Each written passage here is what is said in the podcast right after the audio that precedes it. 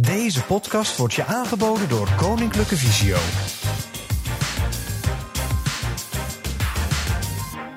Wees als een kind, leer van een kind. Nou, daar kan ik me helemaal in vinden, Mieke. Nou, inderdaad. Zeker als dat ook betekent dat je daarmee je onbevangenheid, speelsheid en je flexibiliteit behoudt. Petra, kan jij iets noemen wat je de afgelopen jaren van jouw twee dochters geleerd hebt? Ja, ik heb, nou, ik heb toch wel veel van ze geleerd als je dat zo vraagt. En, ehm, en nog steeds eigenlijk, hè, ondanks dat ze al volwassen zijn. Ehm, want zo heeft onlangs een van onze dochters die heeft een uh, ukulele gekocht. En die is nu dagelijks via internet aan het oefenen. En, en nou, ze kan al heel veel leuke melodietjes spelen en soms ook een beetje meezingen.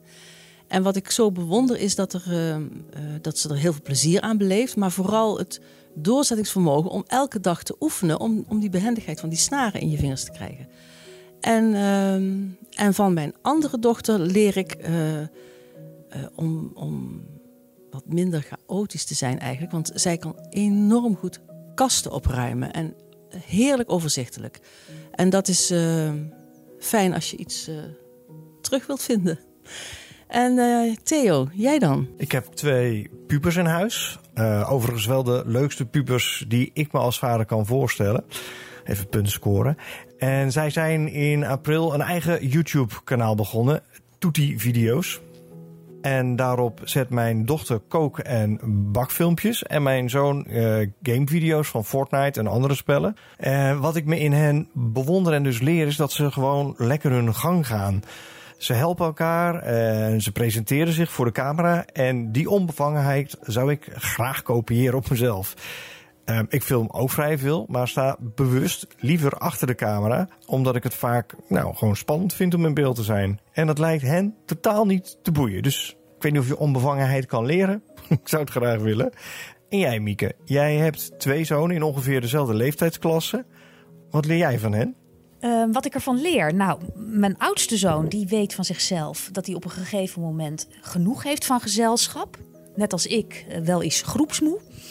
Uh, trekt zich dan terug en forceert zichzelf niet. En deed dat eigenlijk al op jonge leeftijd. Ik kan me herinneren dat hij met een hele groep jongens achter zich aanliep, buurjongetjes. Uh, en dat hij dan uh, bij de deur zei van... Uh, nou, ik ga eventjes naar boven een stripboek lezen. En nou, liet dan eigenlijk de rest van de goede gemeente vrij beteuterd achter. En mijn jongste zoon die kan heel duidelijk aangeven wat hij wel en niet wil. Die is zeer assertief hij kan dat nog wel met iets meer tact doen, vind ik. Maar de basis is er en dat is belangrijk. En ik zelf denk dat ik daar ja, heel wat langer over heb gedaan. En er zijn nog momenten dat ik er moeite mee heb om uh, assertief te zijn. Ja, het gaat vandaag over kinderen. Over trots zijn op kinderen, over wat je kan leren van kinderen vooral. En hoe kinderen omgaan met hun visuele beperking. En wat zij in dat verband nodig hebben. Dit is de Visiocast. Een officiële podcast van Koninklijke Visio. Het expertisecentrum voor mensen met een visuele beperking. In deze podcast kijken we naar wat wel kan. Welkom bij een nieuwe aflevering van de Visiocast. Een podcast van Koninklijke Visio, waarin we in coronatijd op afstand met jou in contact willen blijven. Elke week voorzien Petra, Mieke en ik je van informatie, tips en delen daarbij graag de expertise van Koninklijke Visio. Dat doen we vanuit een positief standpunt. We kijken naar wat wel kan. We willen jou als luisteraar graag betrekken bij deze podcast, dus we zijn nieuwsgierig naar jouw verhaal, suggestie, tip of desnoods je noodkreet. Laat het ons weten via de Visiocast mobiel of stuur een berichtje naar visiocast.visio.org. Helemaal aan het einde van deze aflevering hoor je op welke manier je in contact met ons kunt komen. En dat deden jullie afgelopen week ook. Uiteraard, ook deze keer weer tal van reacties zijn er binnengekomen. Een cliënt uit Friesland herkent veel van wat er gezegd werd in de podcast over energie en vermoeidheidsproblemen. Hij zegt vooral energie van lekker bewegen te krijgen. Ook waren er een paar cliënten die nog wat meer informatie wilden hebben over het onderzoek Energize. Peet, waar kunnen zij met vragen terecht? Nou, iedereen die vragen heeft, die kan ze sturen naar uh, visiocast.visio.org. Dan verzamelen wij die vragen en sturen wij ze door naar uh, de onderzoeken van het uh, VUMC. Prima. Opvallend is verder dat we ook van veel goedziende luisteraars te horen kregen dat ze zoveel gehad hebben aan de podcast over balanceren met energie. Nou, en tenslotte kregen we van een aantal cliënten terug dat de relatieve rust van de coronacrisis hen qua energiehuishouding goed heeft gedaan, omdat het tempo veel lager lag dan voorheen. En ze zijn benieuwd of dat tempo straks weer omhoog gaat. Theo, we hebben het vandaag over kinderen met een visuele beperking. Wat herinner jij je van jouw kindertijd? En waar heb jij in die periode veel aan gehad? Nou, mijn kindertijd speelde zich af in de, in de jaren zeventig. Uh, dat was zeker als visueel beperkt. Het was sowieso een andere tijd maar als nu. Maar zeker uh, als visueel beperkt uh, was het heel anders. Ik heb altijd regulier onderwijs gevolgd. En op mijn vierde uh, ontdekten ze dat ik slechtziend was. En, en eigenlijk was dat het ook. Er was niet zo heel veel. Ik kan me herinneren dat ik een, een, een, loepje kreeg.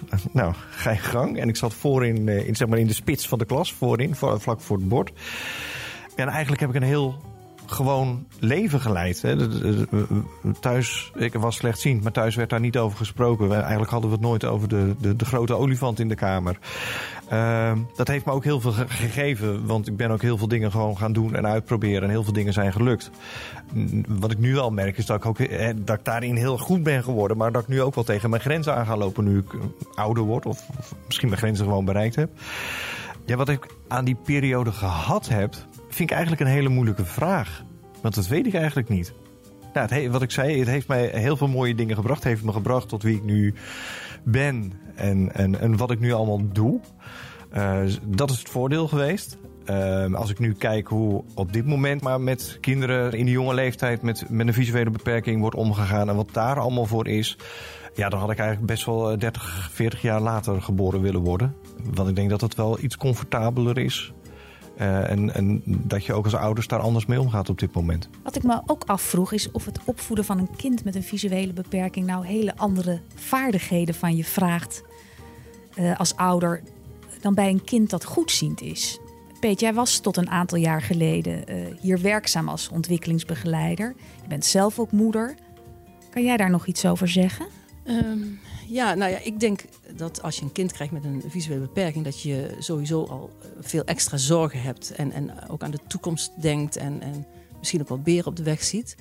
Uh, en toch denk ik dat het opvoeden van een kind, uh, voor elk kind, wie dan ook, de, dezelfde vaardigheden vraagt. En ik denk ook dat je altijd moet insteken van daar waar je kind zit, waar die is. En, en je eigen verwachtingen een beetje aan de kant te zetten. Dus eigenlijk eh, liefdevol volgen, zou ik zeggen. En, en dat klinkt heel gemakkelijk, dat is het natuurlijk niet. Uh, want het vraagt wel wat van je om, om, uh, ja, om je eigen verwachtingen uh, aan de kant te zetten. En, en alleen te kijken van ja, wat wil mijn kind en wat heeft mijn kind nodig. Nou, over liefdevol volgen gesproken, Petra. Over een paar weken gaan we fietsen. Over twee weken al, minder dan twee weken. En dan hoop ik jullie uh, liefdevol te volgen. Uh, maar hoe is, met, uh, hoe is het met de benen? Hoe is het met de training voor die 75 kilometer van Den Haag naar Utrecht? Nou, kijk, um, ik heb een elektrische fiets, Theo. dus ik kan hem op eco zetten. Ik kan hem op tour zetten. Ik kan hem op sport zetten. En als ik jullie helemaal niet meer bijhoud, dan zet ik hem op turbo. maar als ik hem op turbo zet, dan moet ik hem wel halverwege de route moet ik hem, uh, opladen. Misschien is het een idee dat je dan voor ons uitrijdt, dat je hem oplaadt, dan halen wij jou weer in. en, en, en, en, en Mieke, jij doet het gewoon echt op spierkracht? Ik doe het op spierkracht. Ik overwoog nog even om het uh, met de racefiets uh, te doen. Maar dat is echt niet. Ja, dat, dat is best wel lastig om op een racefiets naast twee gewone fietsen te rijden. Dus ik neem mijn stadsfiets mee met twee grote fietstassen voor al het proviant wat ik onderweg dan denk ik goed kan gebruiken. Uh, en ik ben echt wel al een beetje in training. Ik, ik ga morgen ook weer uh, fietsen. Gaan we naar Katwijk of Noordwijk uh, fietsen. En uh, nou, kijk er gewoon heel erg naar, uh, naar uit. Ja, ik ook. Zeker als het mooi weer is. En, en zit je nou te luisteren denk je, waar gaat dit over? Op 21 juni, de langste dag van het jaar, dus met het meeste licht, gaan wij uh, voor het Oogfonds 75 kilometer fietsen. En we willen daar geld mee inzamelen om oogonderzoek te stimuleren. Om door te gaan met het oogonderzoek. Want door de coronacrisis is het oogonderzoek stil komen te liggen. En er moet gewoon geld komen. En dan kunnen er weer mooie resultaten behaald worden. En als je wil, dan mag je ons sponsoren. Onderin de beschrijving vind je een linkje naar onze actiepagina. Ik heb laatste nieuws, want zojuist is bekend geworden dat Komt het Zien komende week een aantal voorstellingen van Oerol gaat voorzien van audiobeschrijving. En zelf melden ze dit zo. We zijn bij Oerol. Theaterfestival Oerol gaat dit jaar digitaal en onze blinde tolken zijn erbij. Ze zorgen voor audiodescriptie bij enkele speciaal geselecteerde korte online voorstellingen en activiteiten. Dit jaar beleef je Oerol dus niet op Terschelling, maar gewoon thuis. En toch krijg je dat zalige eilandgevoel met het geluid van de zee en knisperende schelpenpaadjes. Het imaginaire eiland is er van 15 tot en met 19 juni. Op het moment dat we de podcast opnemen, is nog niet bekend om welke voorstellingen het gaat. Dus bij welke voorstellingen audiobeschrijving wordt gegeven.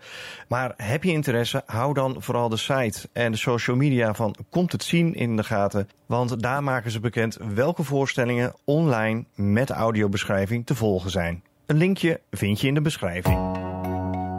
Je luistert naar de Visiocast. Een leven zit vol herinneringen. Prettige, verdrietige, leuke of schurend. Het zijn de momenten die ons lang bijblijven. Bij de soundtrack van je leven luisteren wij naar een herinnering die is gekoppeld aan muziek. Vandaag vertelt Joy Berry welke muziek voor haar bij verdriet en hoop past. Mijn troostlied is een psalm. Het is Psalmen 34, waar het zegt: bid naar de Heer en Hij luistert naar mij. En dit troost mij om te weten dat in mijn blindheid kan ik op God vertrouwen om mij directie in mijn leven te geven. This poor man cried, and the Lord heard me. Ik voel zo blij wanneer ik het hoor en het mij herinnert in een periode dat ik een beetje down ben. Dat alles komt goed en op dat steun ik. Dus luisteren naar dit lied brengt blijdschap in mijn hart.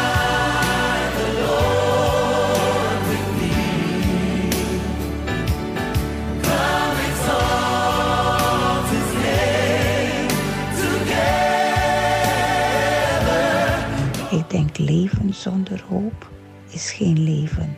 Daarom ben ik blij dat ik een hoop heb.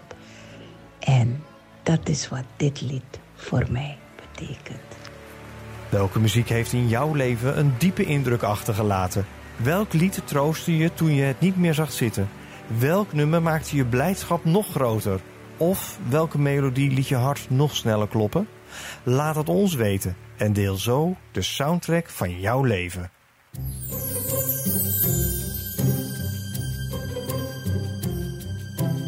De Visiokast wordt je aangeboden door Koninklijke Visio. Al meer dan 200 jaar bieden wij zorg en geven wij aandacht aan blinden en slechtzienden. Dat doen we samen met zo'n 3000 collega's door heel Nederland.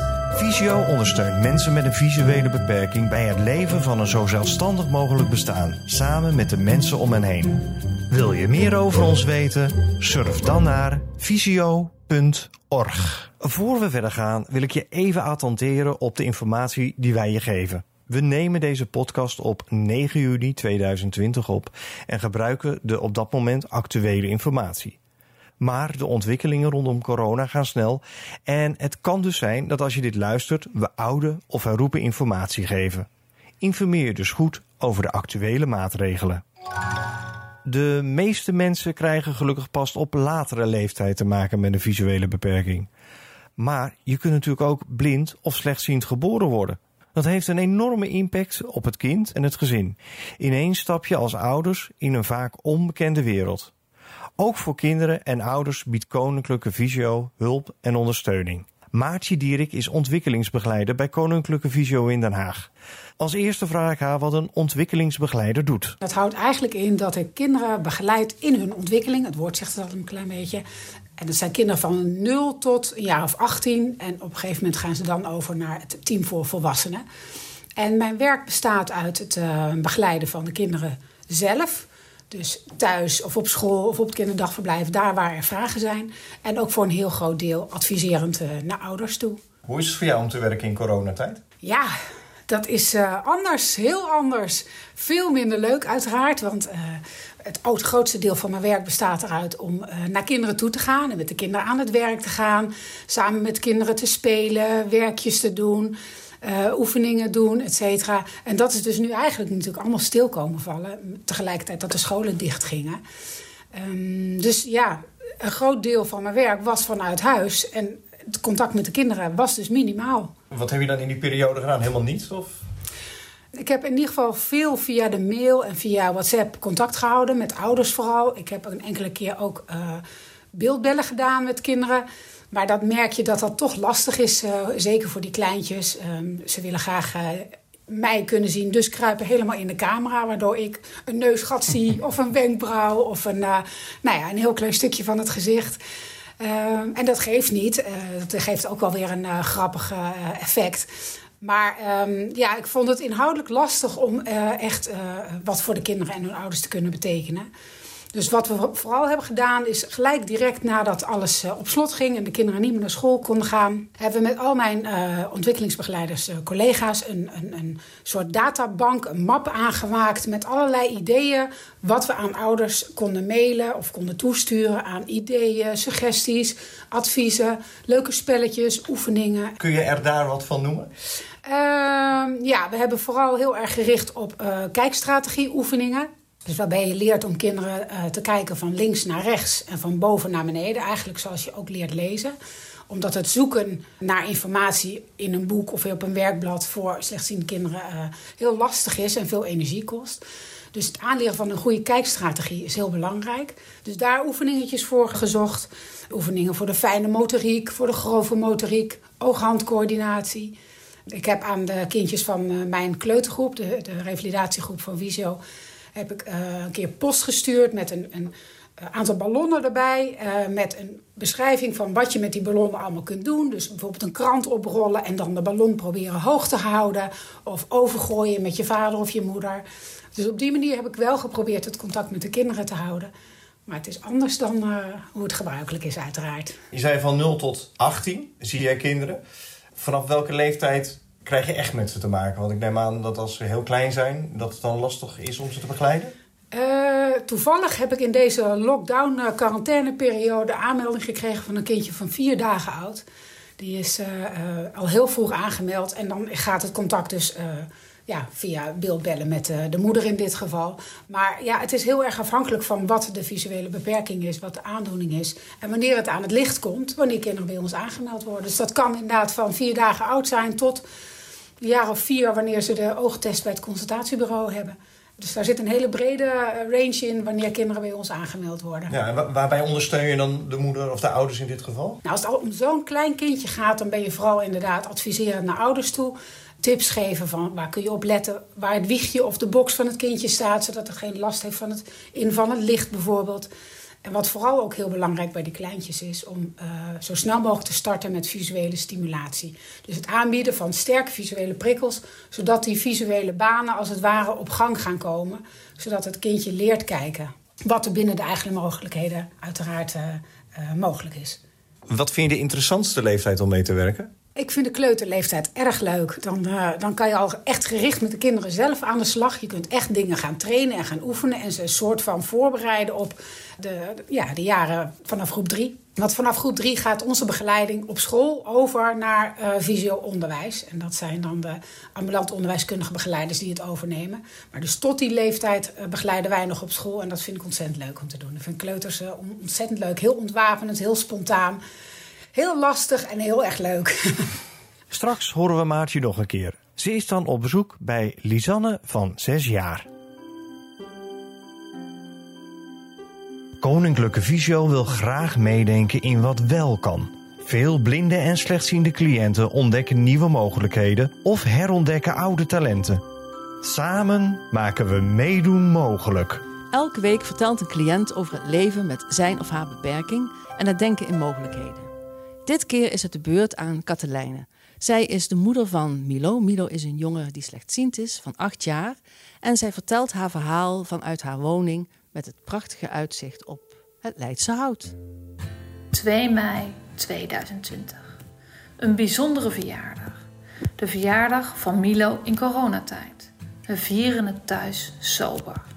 Opa en oma even bij ons in de tuin en de buren op afstand met koffie en kersenvlaai. Milo's lievelingstaart. Normaliter zijn we in deze feestweek altijd op vakantie, want al jaren valt de verjaardag van Milo in de meivakantie. Net zoals die van zijn grote zus, die drie dagen eerder jarig is, en net zoals die van mij, want ik ben één dag later jarig.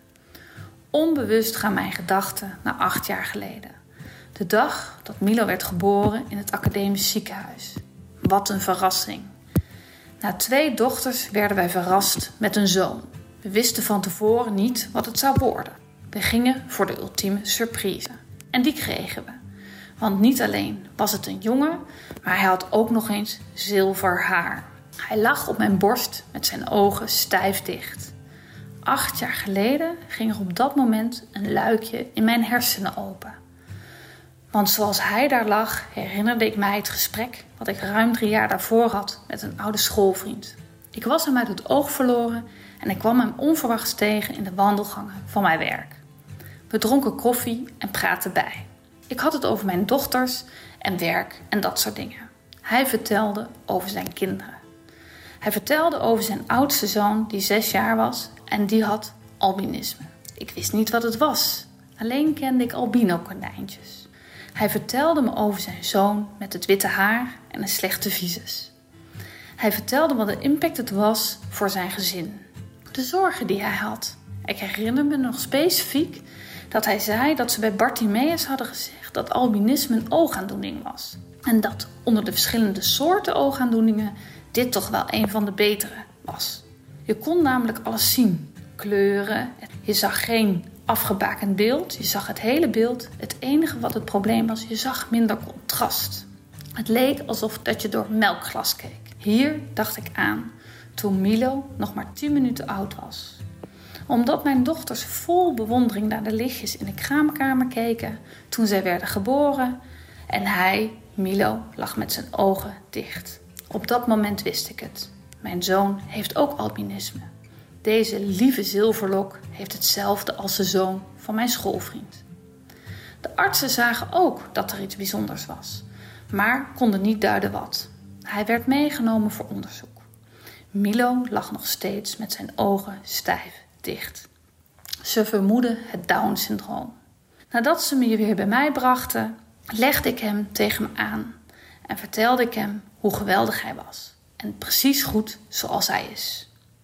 De volgende dag constateerde een hele batterij artsen dat er niets aan de hand was met ons kind.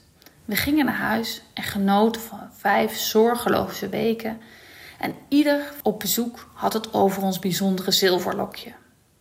Na vijf weken ontwikkelde Milo een nystagmus, wiebelogen. Als je daarop googelt, krijg je twee hits. Of een hersentumor of albinisme. En zo begon ons avontuur. Want natuurlijk had Milo wel albinisme. Een moederhart heeft altijd gelijk. En daarmee begonnen ook onze zorgen. Kan hij wel fietsen? Krijgt hij vriendjes?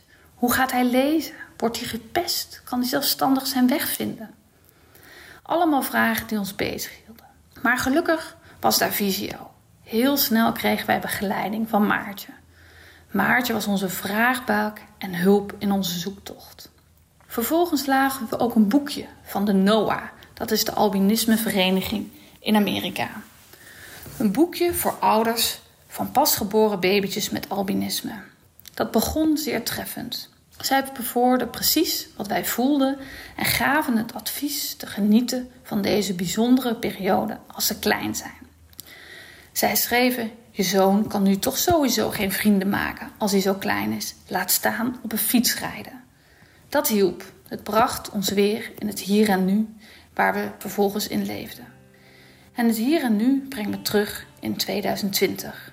Inmiddels zit Milo in groep 4 van regulier onderwijs en weten we dat hij een visus heeft van ruim 10%. Als je het niet weet, zou je eigenlijk niets aan hem opvallen anders dan zijn zonnebril. En het is coronatijd. We geven thuisonderwijs aan drie kinderen. Voor Milo is dat net anders.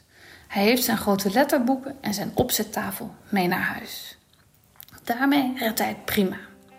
Milo geniet duidelijk van de rust en de regelmaat van het thuisonderwijs. In de klas vindt hij het druk en hij is veelal moe na een dag school. De inspanning om alles visueel te kunnen volgen vergt regelmatig zijn tol. Dit uit zich in heel moe zijn en slechte concentratie. Ook blijkt het voor de juffen steeds een uitdaging onderwijs ook voor hem toegankelijk te maken. Hoe ellendig de coronatijden ook zijn voor velen, is het voor Milo een kleine zegen. Het is een halt aan alle verplichtingen.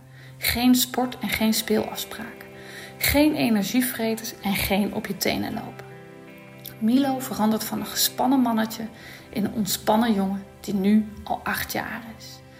Ik hoop dat we iets van deze bijzondere tijd kunnen vasthouden. En ik vertel mijn zoon, net als acht jaar geleden, je bent geweldig en precies goed zoals je bent. Wil je reageren op het verhaal van Katelijn? Stuur dan een berichtje naar visiocast.visio.org.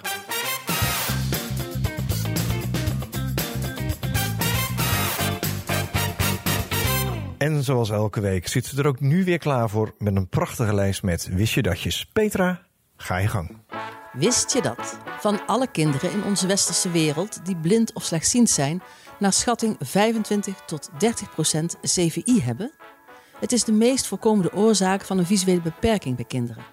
CVI staat voor Cerebral Visual Impairment, ook wel cerebrale visuele beperking genoemd.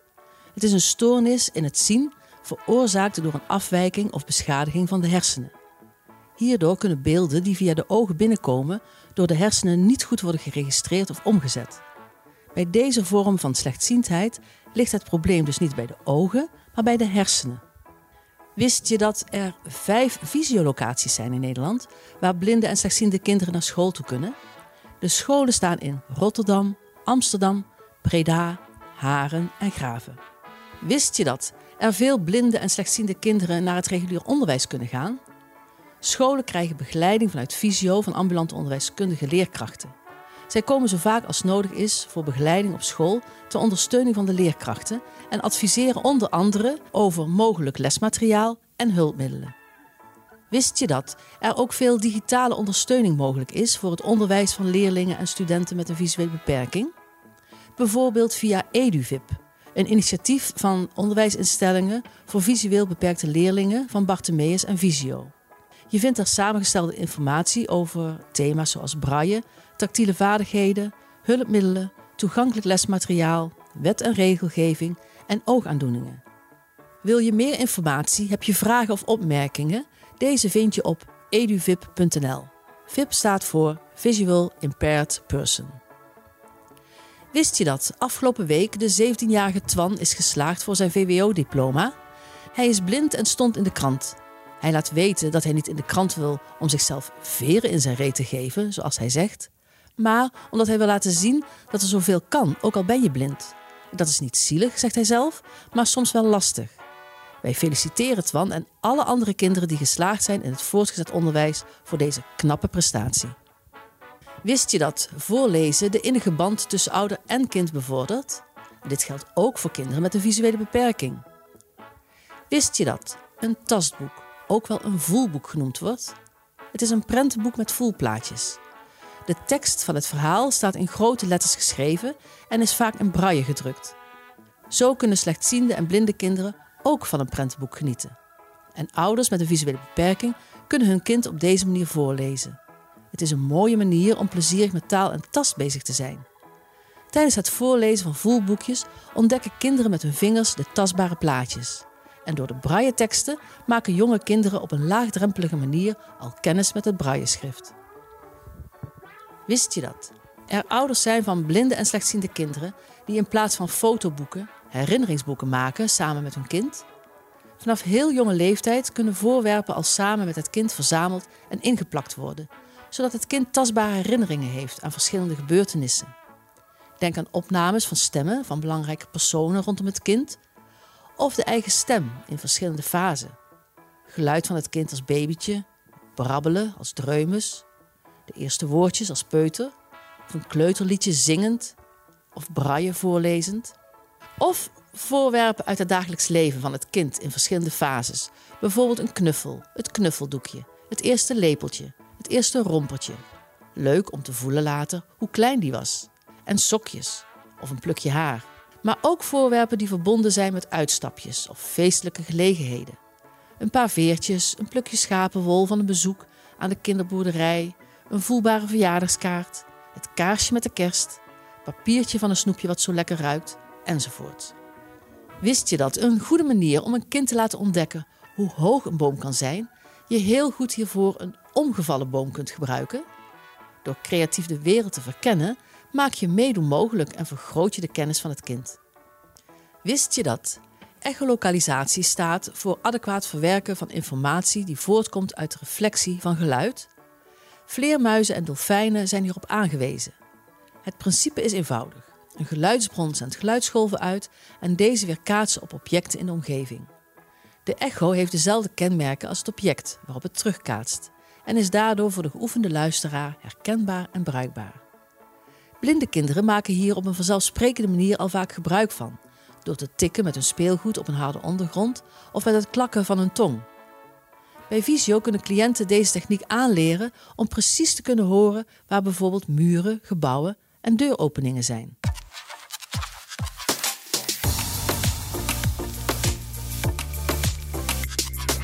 Deze visiocast gaat over kinderen met een visuele beperking. En die kinderen, die hebben we nog niet gehoord. Lisanne heeft net als Milo albinisme. Dat is een erfelijke aandoening waarbij er onvoldoende of geen pigment, melanine, wordt aangemaakt. Melanine geeft kleur aan onze ogen, huid en haar. En door het ontbreken ervan hebben mensen met albinisme vaak een opvallend lichte huids- en haarkleur. En de irissen van de ogen kunnen een rode gloed hebben. Albinisme kan samengaan met allerlei oogproblemen, zoals extreme gevoeligheid voor licht, wiebelende ogen of nystagmus, scheelzien en geen diepte kunnen zien. Deze oogproblemen hebben invloed op hun dagelijks leven, ook op dat van de zesjarige Lisanne. Maartje zocht haar op school op en praat met haar. Het laampje blauw? Hé hey, Lisanne, dat had ik je lang niet gezien, hè? Nee, Nee, dat was echt heel lang, want je ik ging... wil vaker jou zien. Wil je mij vaker zien? Nou, dat vind ik fijn. Ik ben ook heel blij dat ik jou nu weer zie. Hé, want de scholen waren dicht. Hoe kwam dat ook alweer?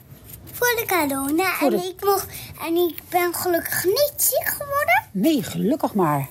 Hé, en toen jij thuis was, wat ging je toen allemaal doen?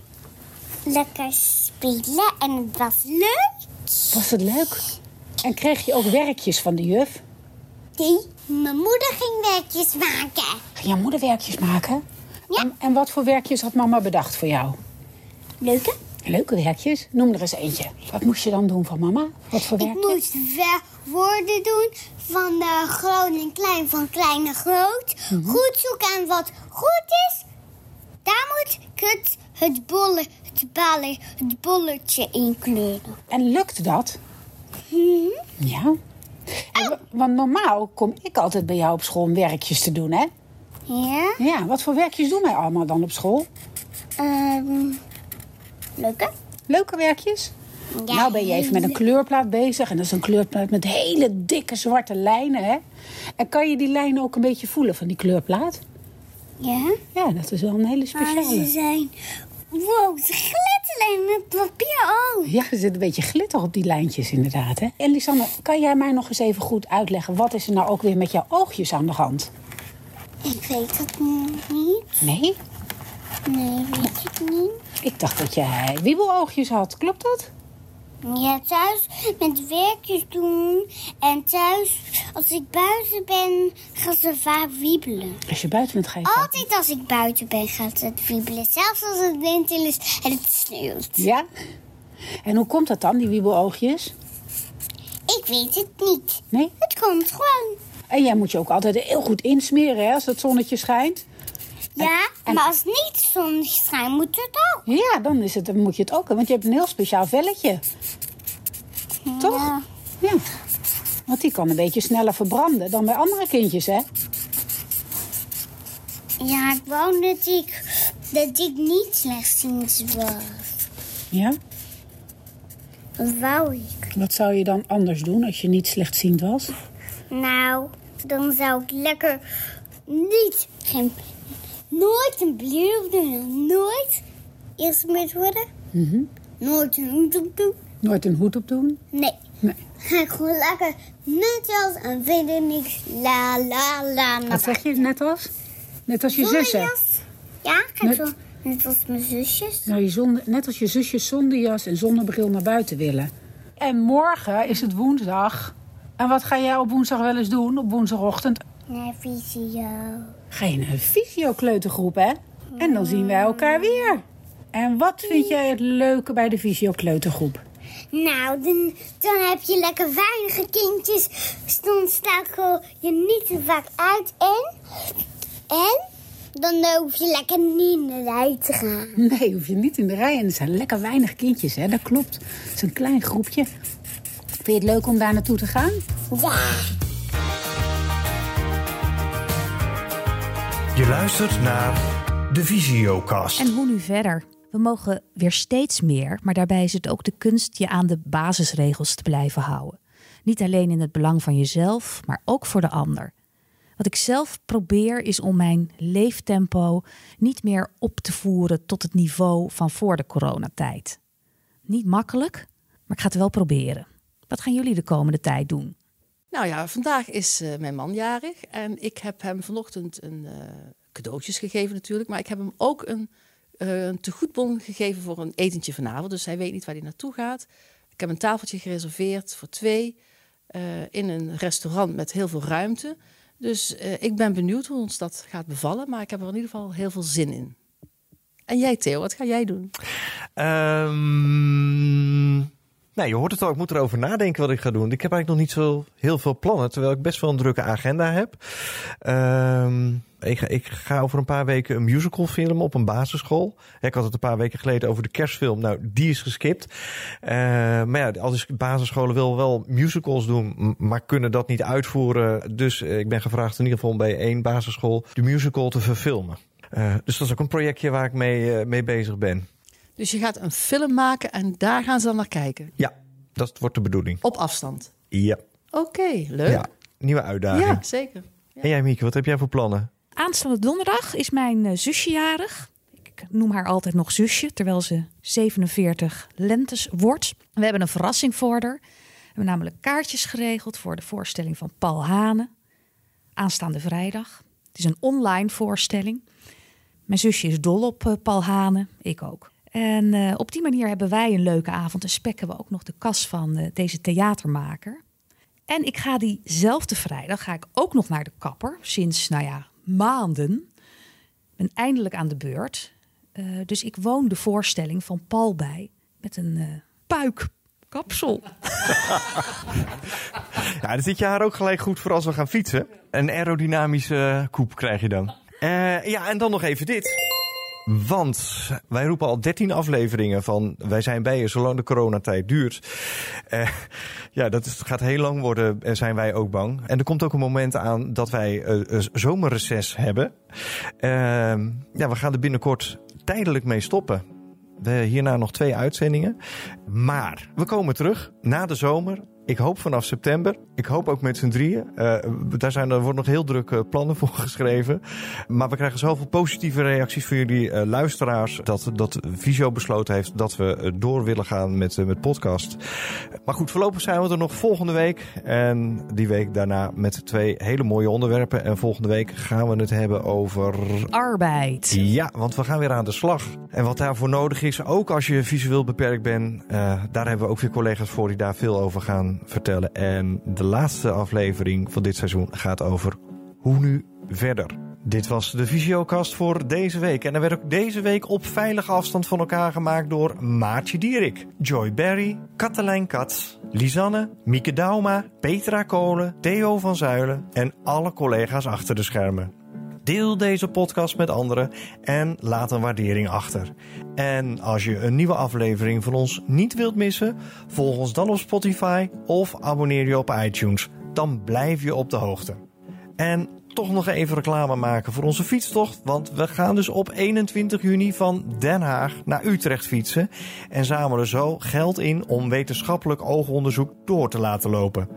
Wij willen ook op de fiets laten zien wat wel kan. En we zouden het fantastisch vinden als jij ons doel wilt sponsoren. Als jij onze financiële meewind wil zijn. In de beschrijving vind je een linkje naar onze actiepagina bij het Oogfonds. Wij gaan in training en zijn er volgende week vrijdag weer. Zorg goed voor jezelf, blijf sterk met en voor elkaar. En graag tot de volgende Visiocast. Dit was de Visiocast. Informatie uit deze podcast vind je terug in de show notes. Wil je reageren? Dan kan dat via onze voicemail of WhatsApp op de Visiocast mobiel 06 429 10396. Of stuur een mailtje aan visiocast.visio.org. Voor ICT-vragen kun je terecht bij onze ICT-helpdesk 088 585 5666 of kijk eens op kennisportaal.visio.org. En met vragen aan of informatie over Koninklijke Visio bel je de cliëntservicelijn 088 585 8585.